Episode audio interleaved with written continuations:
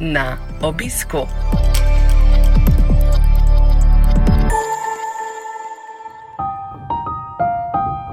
Z veseljem vam predstavljamo novo serijo podkastov na obisku.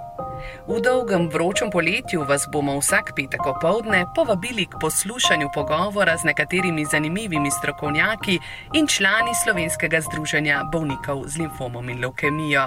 Vabljeni k poslušanju.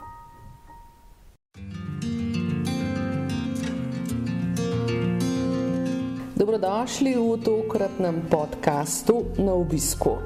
Z nami je mlada dama, mlada ženska, polna življenja, hitrih misli in še hitrejših besed, tudi pisanih. Martina Pinterič je avtorica knjige Na obisku, pri kateri smo dobili tudi navdih za tole poletno serijo podkastov. Martina Žujo. Čau, Slavka.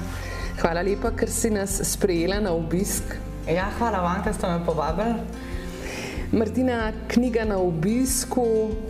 Zakaj ta naslov? Kdo se je k tebi povabil na obisk? Knjiga na obisku je v bistvu pripoved, uh, izpovedna o, o raku. Tako da, če v bistvu kar odgovorim takoj, gre za obisk raka v mojem telesu, pa življenju. In knjiga na obisku je pogovor sama s seboj, v bistvu pogovor tudi z rakom, pogovor uh, o življenju na splošno. Namenjen je bil na začetku temu, da bi lahko se sama bolj počutila oziroma sama zdravila svoje misli, svojo dušo, svoje telo tudi na nek način. In kasneje, ko sem pa videla, v kakšne razsežnosti gre, oziroma da se pač odpirajo še neke druge zadeve, Mi je bilo pa zanimivo tudi mogoče, da bi lahko to prebral kdo, ki je bil ali v podobni izkušnji, pa ne na zadnje tudi marsikdo drug, ki se lahko najde kjerkoli noter, tudi v kakšnih drugih temah, ne samo v raku. Ne. Si že prej veliko pisala, takrat tikam, dolgo se že poznamo? Ja. Um, pisala sem v bistvu že, ja, bi lahko rekla, da že kar nekaj časa. Ampak nikoli to ni bila neka redna aktivnost, da bi pač uh, rekla, da zdaj pa ne vem, pišem že od 15 let, ampak je bilo vedno tako, da je bilo pisanje za mene terapevtsko. Se pravi, pač pisala sem takrat, ko sem to začutila, ko sem to rabila. Um, mi je vedno pomagalo, ne samo momentalno, ampak v bistvu uh, mi je pomagalo tudi razreševati določene misli ali pa težave. Tudi recimo ta knjiga, predvsem, je meni osebno uh, nasploh veliko pomeni. Največ mi pa pomeni to, da tudi meni še vedno, če grem še danes, recimo, jo prebrati, mi povzroča uh, ista čustva, pa zname postaviti nazaj v čas, ko se je to dogajalo, pa nazaj v ta čas, uh, ko sem jo tudi pisala. Tako da v bistvu je na nek način kot nek moj hram, pa hkrati tudi uh, ogledalo tega časa, uh, ko je pač rak bil prisoten, pa takrat, pač, ko sem se začela vračati nazaj v življenje. Mhm. Zakaj je dobro se vrniti v tisti čas, spomniti, podoživeti tiste občutke, pa tista čustva? Knjigo sem prebrala, knjiga je globoko izpovedna in prvoosebna. Ja, res je. Zakaj se je dobro vrniti? Uh, ja. Mogoče prvi odgovor bi bil ta, glede zaradi tega, ker eden izmed največjih darov, ki jih dobimo takrat, ko zbolimo, oziroma s takšno izkušnjo, je ravno ta, da se zavedaš, da je vsak dan za sebe pač nek dar in da ni nujno, da bo naslednji prišel. To je prva, mogoče taka glavna, ki je recimo v tempu življenja, ki ga živimo danes, vsi zelo pomembna, pa se je glih ne moreš vsak dan spomniti, tudi ne bi se mogel prisiliti, da se jo da jo imaš nosto pred očmi. In uh, žalostno mi je to, da pač glede na to, da tako izkušnjo sem enkrat že imela in da vem, kako mi je bilo takrat živeti dan za dnem, sploh pol, uh, ko sem vedela, da nisem več bolana in sem se začela vračati nazaj, mi je bilo res tako, vsak dan je bil pač res podarjen, pa nov. Um, in zavedati se tega je nekaj najpredcenljivega. Ne? In imeti to znotraj tega kaotičnega časa se mi zdi nekaj najlepšega. In takrat, ko vidim samo pri sebi, da gre vse skupaj mogoče nazaj v neke tire, ki ne bi hotela, da grejo, se pravi v te, da se ti zdi, da je včasih delo pomembnejše od samega življenja, da da te bo čas prehitev. Takrat pač vzamem spet nazaj to in mi je dovolj, da sam preberem recimo, ne vem, par poglavij in se spustim nazaj v to obdobje. Ampak ne na nek žalosten način, ampak na ta način, da na koncu spet čutim, da okay, to je tisti moj kor, to je tisto moje bistvo, od tukaj naprej zelo lahko grem. Mhm. Potem je ena tako zelo praktična in upremljiva vaja čuječnosti. Ja, lahko bi se rekla na ta način. Ja, Dobro. Uh, se pravi, to je nek tvoj, da rečemo, obramba ne? in povratek v zaveščanje tega tu in zdaj, če poskušam povzeti, uh, in obramba, uh, da ne bi spet zapadla v to naglico in stres vsak dan. Spomin, jaz rada temu rečem spomin, opominno, tako uh mhm. -huh. na ta način. No. V knjigi sem prebrala, ne vem, če bom zdaj znala čisto natančno ponoviti kot gostu, ki sem ga imela dovolj, po vrhu pa je bil še nepovabljen, sem mu skuhala sikterošo. Kaj to pomeni? Ja, sikteroša je zadnja kava, ki se jo ponudi gostu. To je sicer bosanski običaj. Uh, ponudi se po gostu takrat, ko je namen, da pač gre. Skuha se več kav, uh, ta je pa zadnja in ta je tista, ki brez besed pove, zdaj pa mogoče čas, da greš. Uh, in to je bil tudi ta stavek oziroma ta metafora tukaj noter, um, tudi začetek v bistvu uh, knjige, ne, to je v prvem poglavju, um, je glih temu namenjen. Ne. Pač, si kavo skuhala tako, dobro? Bil si nekaj časa, zdaj pa je čas, da greš. Kava mislim, da je bilo kar dosti, ja, pa bila je dobra. Torej je dosegla svoj namen. Ja, zaenkrat ja.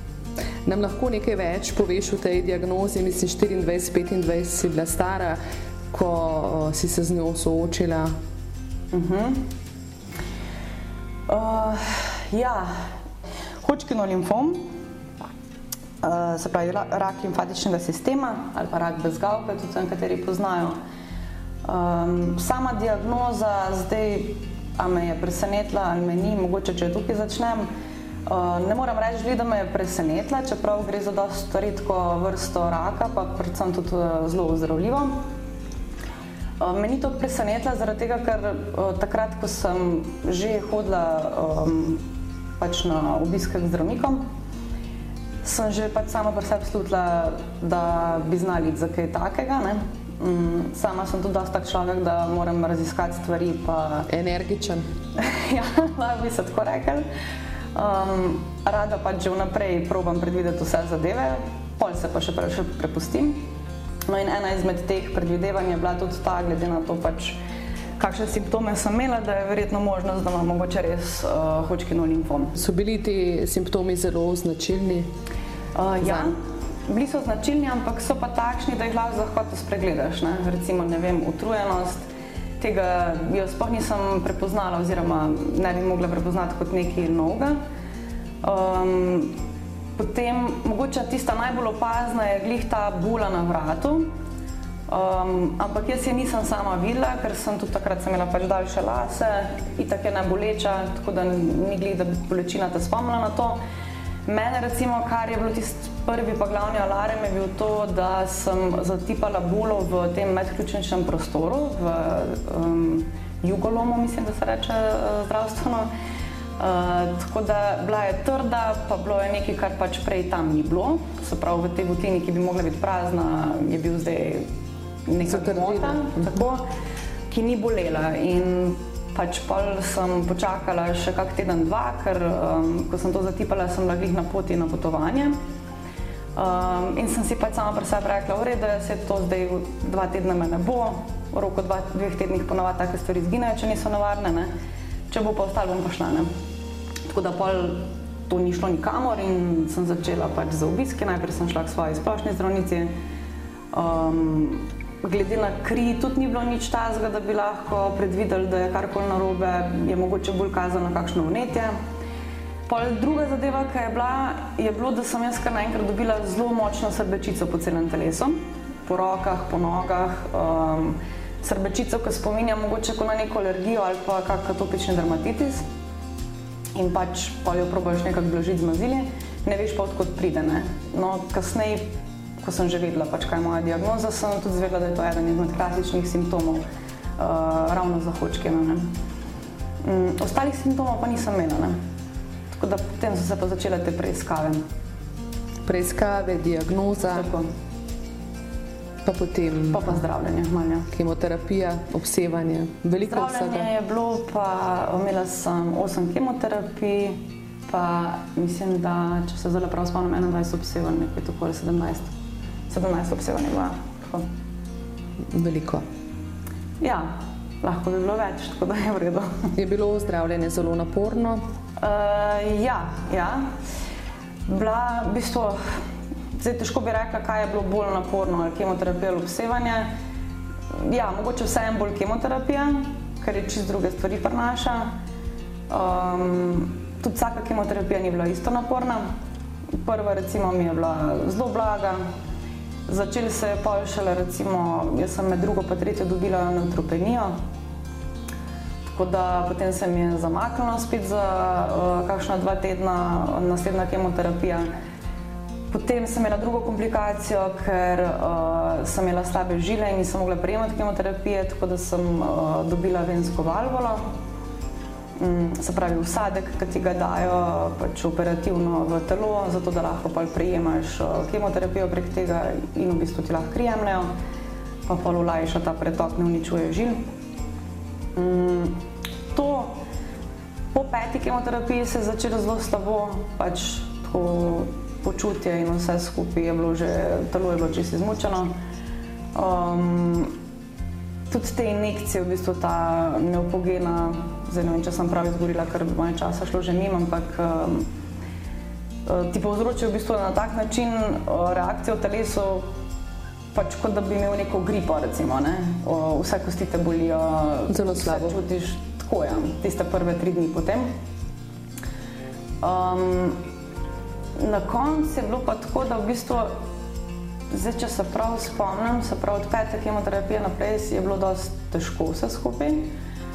Uh, ja, dobila sem vmes še eno posledico po kemoterapiji in sicer tromboflembitis. To je pa uh, vnetje površnih uh, žil na nogi. Tako da sem se pa nekaj časa še usporedno zdravila z Marevanom. Um, to je bilo v bistvu to, kar se tiče, če grem zdaj tako čist nekako sistematično gledati, uh, kaj se mi je fizično dogajalo znotraj kemoterapije. Ne. To, kar je bilo pa v ozadju, se pravi to, kar se pa ti dogaja znotraj tvojih misli, glave, duše, samo preizpraševanja, to so pa pač zadeve, ki načeloma vsaj jaz sem jih takrat potisnila malo na stran. Pa nisem v osnovi tak človek, ampak sem jih takrat mogla potisniti na stran, zato da sem pač lahko najprej se posvetila sploh temu, da pridem fizično čim bolj čez to, ker mi ne bi nič pomagali, če bi takrat začela ali pa probala razreševati te stvari, če pa moje fizično telo ne služi več, ne? ali pa pač se ne more več na ta boju. boriti. Tako. tako da je bilo treba najprej to zrihtati, da sem lahko pa začela s tem drugim delom. torej korak za korakom. Tako. Mhm. No, ob tem ne morem, da ne bi pomislila na en odlomek uh, v knjigi, ki je nekaj je, je v obliki proze, nekaj v obliki poezije. Skratka, celo eno malo poglavje je napisano o čakanju ne, in da uh, v resnici to, kar zdaj le morda uh, na cesti ljudje čakajo ali v trgovini, pa so nervozni in tako naprej, ni nič, absolutno nič v primerjavi s čakanjem na Onkološkem inštitutu, uh, pred okencem, ko človek da zdravstveno kartico, pa potem čaka na rezultat krvi, je stanje neutropenično, kot si rekla, si imela izkušnjo, bo možno za nov cikl kemoterapije. Definitivno je en izmed glavnih vidikov, ki se ga naučiš, tudi ta povezan z čakanjem. Se pravi, ta neka živčnost v tako malih stvarih, ki imamo vsi ljudje vsakodnevno, pač izveni na splošno, vedno, ko smo ljudje bolani, pa moramo kjerkoli čakati, uh, ker se ti gre v prvi vrsti za zdravje. Je pa res, da veliko ljudi, tudi na splošno, če gledamo v čakalnicah drugih ustanov zdravstvenih, še vedno delujejo dosti nervozno, živčno, imajo čez druge stvari v neki prioriteti kot svoje zdravje. Ljudje v, mislim, onkološkem inštitutu, pacijenti, pa nasplošno, ne samo tam, kjer sem se jaz nahajala, ampak če se sprehodiš po celem onkološkem inštitutu, je pa se čaka. Pač to so ljudje, ki so bolani, ki so slabim imunskim sistemom, ki čakajo na to, da bo. Da bojo prijeli novo zdravljenje, in nikjer ne vidiš nobenega, da bi se pritoževal, da bi uh, da bi se sprašval, zakaj čaka tam zdaj 3-4 ure. Uh, ampak pač enostavno veš, da tam si z namenom in veš, da pač prišel boš na vrsto, ko boš, nisi edini, vsi smo gledali za istim razlogom. Um, In takrat veš, da pač pomembno je samo to, da boš ti lahko sploh začel z tem svojim novim zdravljenjem. Že to ti je tisti prvi korak, da slišiš, da ja, danes boš lahko nadaljeval. In ta borba za življenje, uh, se mi zdi, da je tista, ki totalno presmisli uh, cel smisel čakanja. Takrat čakanje ni več samo čakanje, kot jaz sem zdaj dobil listek in pač čakam, kdaj bom prišel na vrsto, ampak se zavedaš, da pač čakaš na sebe. In zato ti pač ni problem, ne vidiš tega časa sploh. Uh mhm. -huh. Torej se veš, da ti ne bo nič pomagalo. Ali boš ti zdaj videl, da boš tam stal 4 ure, pa se okoli tega nerviral, ali boš pa pač v teh 4 urah bil sam pri sebi, miren, bral knjigo ali pa se pogovarjal z nekom ali karkoli. Uh -huh. Uh, tudi sem si zapomnila en stavek, spet ne vem, če gre čisto tako, da rak človeka nauči trpljenja, ampak hkrati tudi življenja. Uh mhm. -huh. Ja, res je. Uh, pravijo že na splošno ljudje, da kjerkoli bolečina v življenju, ki je ne samo fizična, ampak kakršna koli boleča izkušnja, je tista, ki ne samo da si jo zapomniš, ampak te lahko tudi na nek način ali spremeni, ali pa mogoče tudi prevrednoti. Ne. Seveda, če ti to pustiš, ne. lahko tudi pač enostavno sam pozabiš, pa greš naprej. Ne. Um, rak je pa definitivno ena izmed takih stvari, ki tudi na splošno je vsi ljudje najprej jemljajo kot sinonim za neko trpljenje. Um, v osnovi pa pač seveda definitivno je trpljenje. To ne konča se vedno dobro, v večini primerov se lahko konča slabo. Sam, um, če pa preživiš to, da imaš pač to srečo, da to preživiš, je pa to definitivno neka zelo vredna izkušnja.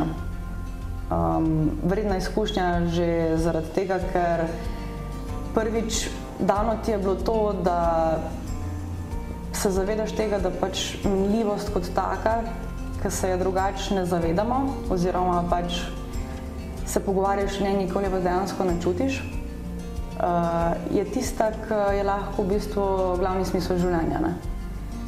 Minljivost življenja kot tazga je tretirana v družbi bolj kot neka, nek negativen prizvok. Ne? kot tabu, morda. Tudi to, definitivno to. Ampak gledano z druge strani je pa to glavni smisel življenja. Ne? Pač se, ko rečemo, živi vsak dan, kot da je zadnji, to ni nič drugega kot pač častiti minljivost. Oziroma življenje zavedajoče se minljivosti. Ja.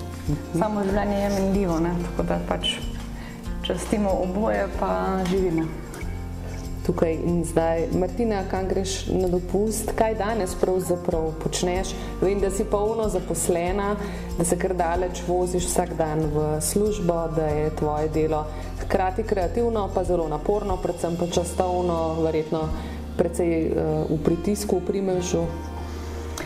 Uh, ja, uh, jaz trenutno se ukvarjam z marketingom, Tako da ja, je kreativno, je pa seveda pač tudi vezano na roke in vse. Um, ampak rada upravljam pač svoje delo, tako da uh, v bistvu ne vidim tukaj, no, tako kot bi rekla, da imam neko veliko ločnico med delom in uh, življenjem privat. Ampak nasplošno sem taki človek, da pač tudi to, kar počnemo v življenju, mi mora toliko pomeniti, da je lahko to del mojega življenja. Da je vredno. Tako. Uh, k tem probam strmetno. Tako da ja. No, ampak učiteljice so pa tudi fino, kam na dopust. Ja. Uh, na dopust grem pa letos uh, na hvar uh, za spremembo, pač, uh, ravno zaradi vseh teh časov, ki se dogajajo. Je mogoče to še nekako najbolj um, varna varianta, če lahko rečem, kar se tiče teh spremenjanj in vsega. No. Uh, drugače pa zelo rada potujem, no, tako da to mi je malo žal, da da ne gre. Ne? Da, še, da bo moralo malo ja. počakati. Ja. Kako se zabavaš? Uh, v prostem času. Tako, vsekakor v prostem mhm. času, na kakšen način, ker eh, seveda tisto živeti življenje, ne, mhm. so odgovornosti, je red in vse to, ampak človek si mora dati malo tudi duška, se sprostiti, poveseliti. Definitivno, definitivno. Ja. Uh, Maja, jaz sem človek dvojnosti, recimo na splošno, tudi kar se tiče tega pač uh, lahko živim odgovorno glede določenih stvari, definitivno sem pa tudi uh, dost hedonist, pač rada uživam življenje v vseh merah, kar pomeni, da ja, v prostem času zelo rada se pač družim, uh, kvalitetno preživljam čas, pa pač rada imam dobro hrano, dobro vino. Tako da nahvarujem, da oboje. Ja, sem že preverila. Ja.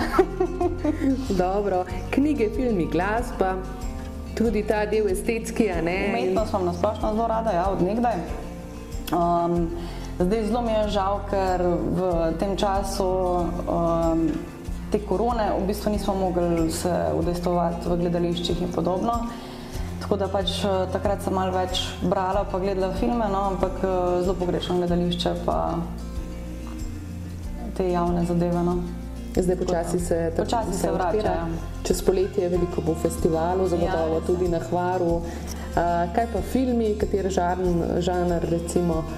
Pa različno, no, imam nekaj. Drame, kriminalke, romantične komedije. Uh, bi rekla mogoče bolj drame, kakšni uh, trilerji recimo, tudi komedije, um, biografski filmi.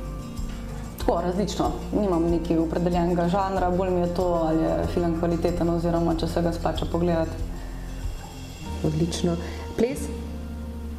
Um, Nač kaj posebnega, spada bolj v hedonističnem delu. um, v, v hedonističnem delu danes si morala uh, nekaj časa vmes uh, počakati, nekaj so bile druge stvari, recimo v spredju, bolezen imamo v mislih in tako naprej. In takrat si morala zamakniti z um, razmislekom o prihodnosti, da nimo tudi družino in take reči, pa vendarle si se na to pripravila. Uh mhm. -huh. V tem je namreč tudi celo poglavje naložbo, ja. prihodno zelo lepo poglavje. Ja. Uh, zdaj, tako bom rekla, ne da sem jaz razmišljala o družini, takrat sploh ne. Uh, mislim, da sem bila stara komaj 24 let, uh, študentka pač ni mi bila misel v družini, sploh še ne. No, ampak si morala nekako ozir vzeti. Bilo je pa zaradi samega zdravljenja, pa zaradi same bolezni, to ena izmed zadev, ki pač sem bila prisiljena, da jo moram vzeti v obzir. Uh, ker sem imela pač možnost, da pred samim začetkom zdravljenja lahko zamrznem svoje jajčice. Um, kar sem bila tudi pač zelo vesela in zelo hvaležna, da sem sploh imela to možnost narediti, ker je nima vsak, ker je lahko bolezen že tako eh, napredna, da pač ne moreš več tega narediti, je pač bolj nujno, da se greš takoj zdraviti. Tako da, um, ja, definitivno že takrat si vesel, pač, da imaš to opcijo, da je neka varnost nekje, če si boš pač enkrat to želel.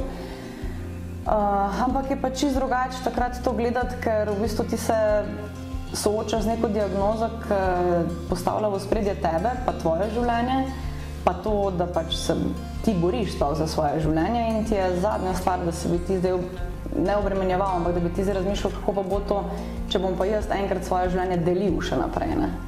Uh, ker veš, da pač najprej ga sploh moraš imeti, da boš pa razmišljal o teh stvareh. Ne? Plus, da ne govorim pač ta mladost, ki pač te ni do takrat prisila v to, da boš o tem razmišljal, ampak si verjel, da je cel svet in cel čas tega sveta še vedno tvoj in ti razpolagaš z njim. In potem kar naenkrat ugotoviš, da pač ni tako. Um, tako da to je bila mogoče tista prva taka, tak večji udarec realnosti.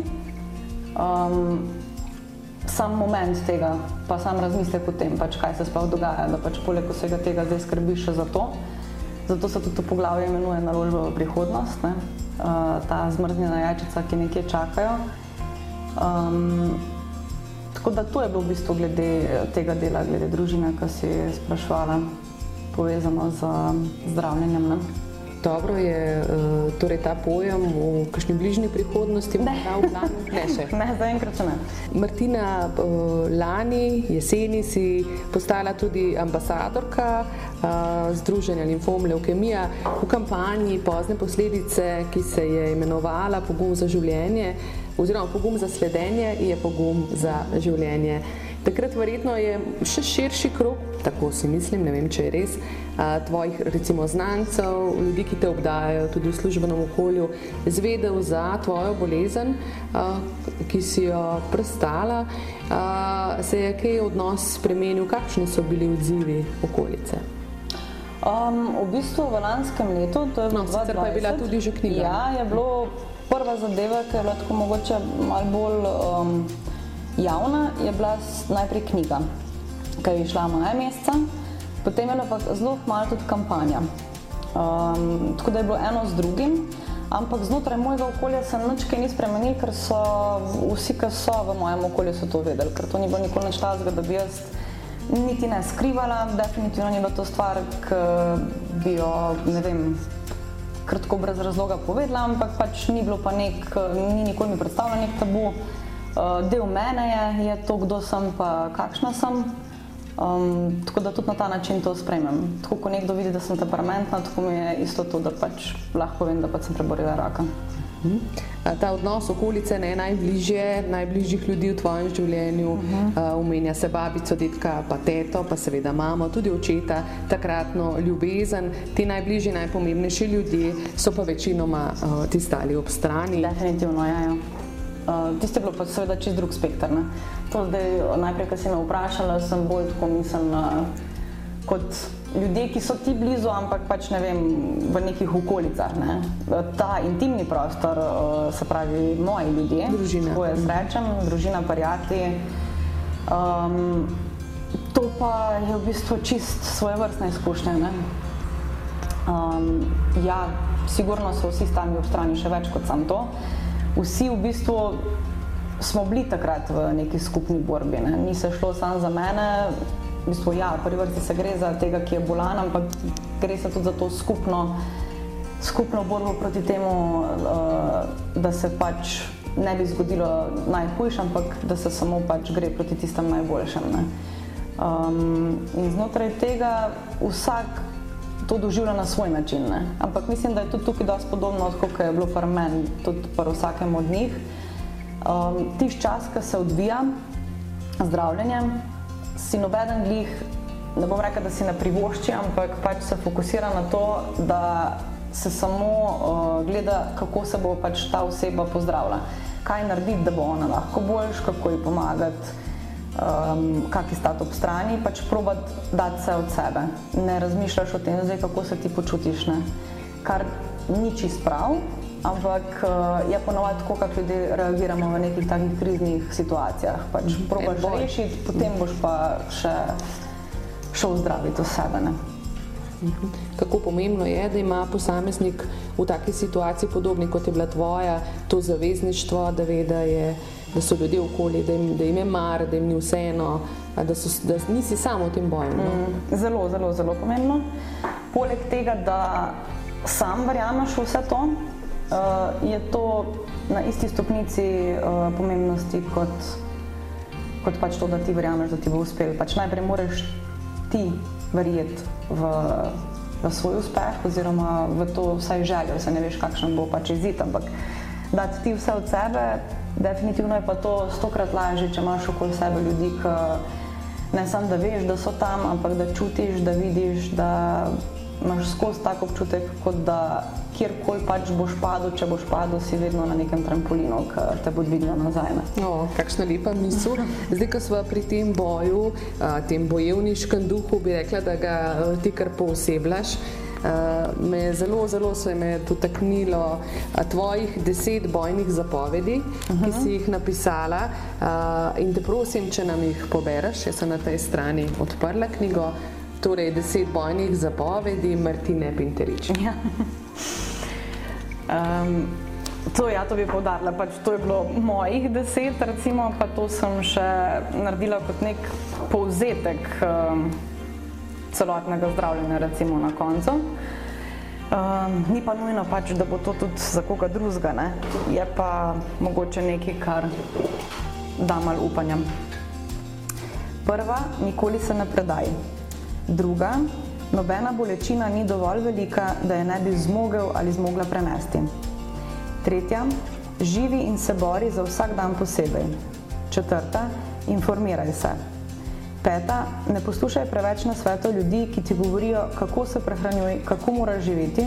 Živi in jej tako, kot ti svetuje tvoj ali tvoja onkologinja oziroma onkolog. Šesta, razmišljaj svojo glavo, vedno.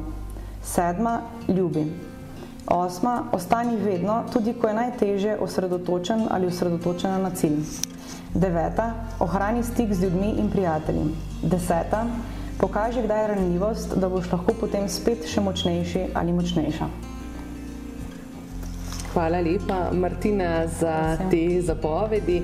Knjiga na obisku od vsakega uh, prodanega izvoda, te knjige, ki je šla v založbi Litera. Uh, odločila si se, da en del uh, od teh prodaj nameniš združenju, slovenskem združenju bolnikov uh, z limfomom in leukemijo. Zanima me, zakaj si se tako odločila, oziroma kaj tebi sami pomeni združenje. Uh -huh. uh, jaz sem v bistvu prišla v stik z združenjem že od samega začetka, od takrat, ko sem zbolela.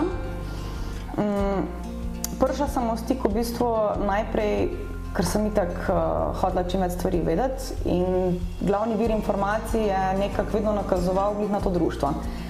Um, In pač pa sem kontaktirala društvo, tudi poznala sem um, eno izmed članic uh, in sem pač pa prišla v društvo. Bila sem fulno navdušena uh, nad vsemi dogodki, ki so se dogajali. Uh, zdaj se mi je tako pač prav in tudi tako, da bi bilo zelo fajn, če bi to bilo še malo bolj širše, pa še malo bolj, da bi več ljudi to vedeli. Vse načeloma te dotični ljudje, za katere je namenjeno, to zvejo, ne? če ne drugače znotraj zdravljenja ali pri svojem zdravniku ali kakorkoli. Ampak je res, meni je bilo najbolj všeč to, ker ne samo, da imaš možnost, da pač um, vidiš uh, pa slišiš zgodbe ostalih, ki so na podobnem, ampak imaš vem, več teh različnih uh, infodnevov. Um, se pravi, hrani se na nek način z informacijami. Ne? Um, pa tudi dosti je takih zadev, ki si jih lahko pol, ali sam pomagaš, ali veš, kam se moraš obrniti, če boš rabo pomoč. Imáš ta nek dodaten podpor, neko dodatno podporo. Ne? Uh. -huh. Ker, kot si prej rekla, pač imaš podporo, ki jo moraš imeti najprej sam znotraj sebe, jo imaš izmed tvojih ljudi. Zelo fajn je imeti pa tudi podporo ali pa vsaj neko to pripadnost za nekom, ki gre čez isto, kaj šele z nekom, ki je že šel čez isto in pač je še vedno klene.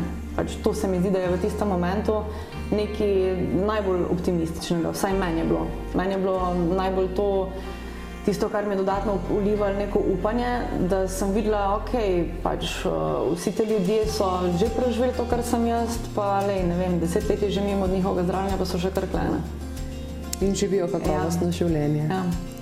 Natančno takega privoščim tudi tebi in naj na obisk tebi prihajajo samo sreča, veselje, veliko, veliko hedonističnih užitkov in vse, kar si sama želiš. Najlepša hvala, Martina. Hvala, hvala, Svaka. Tak tudi.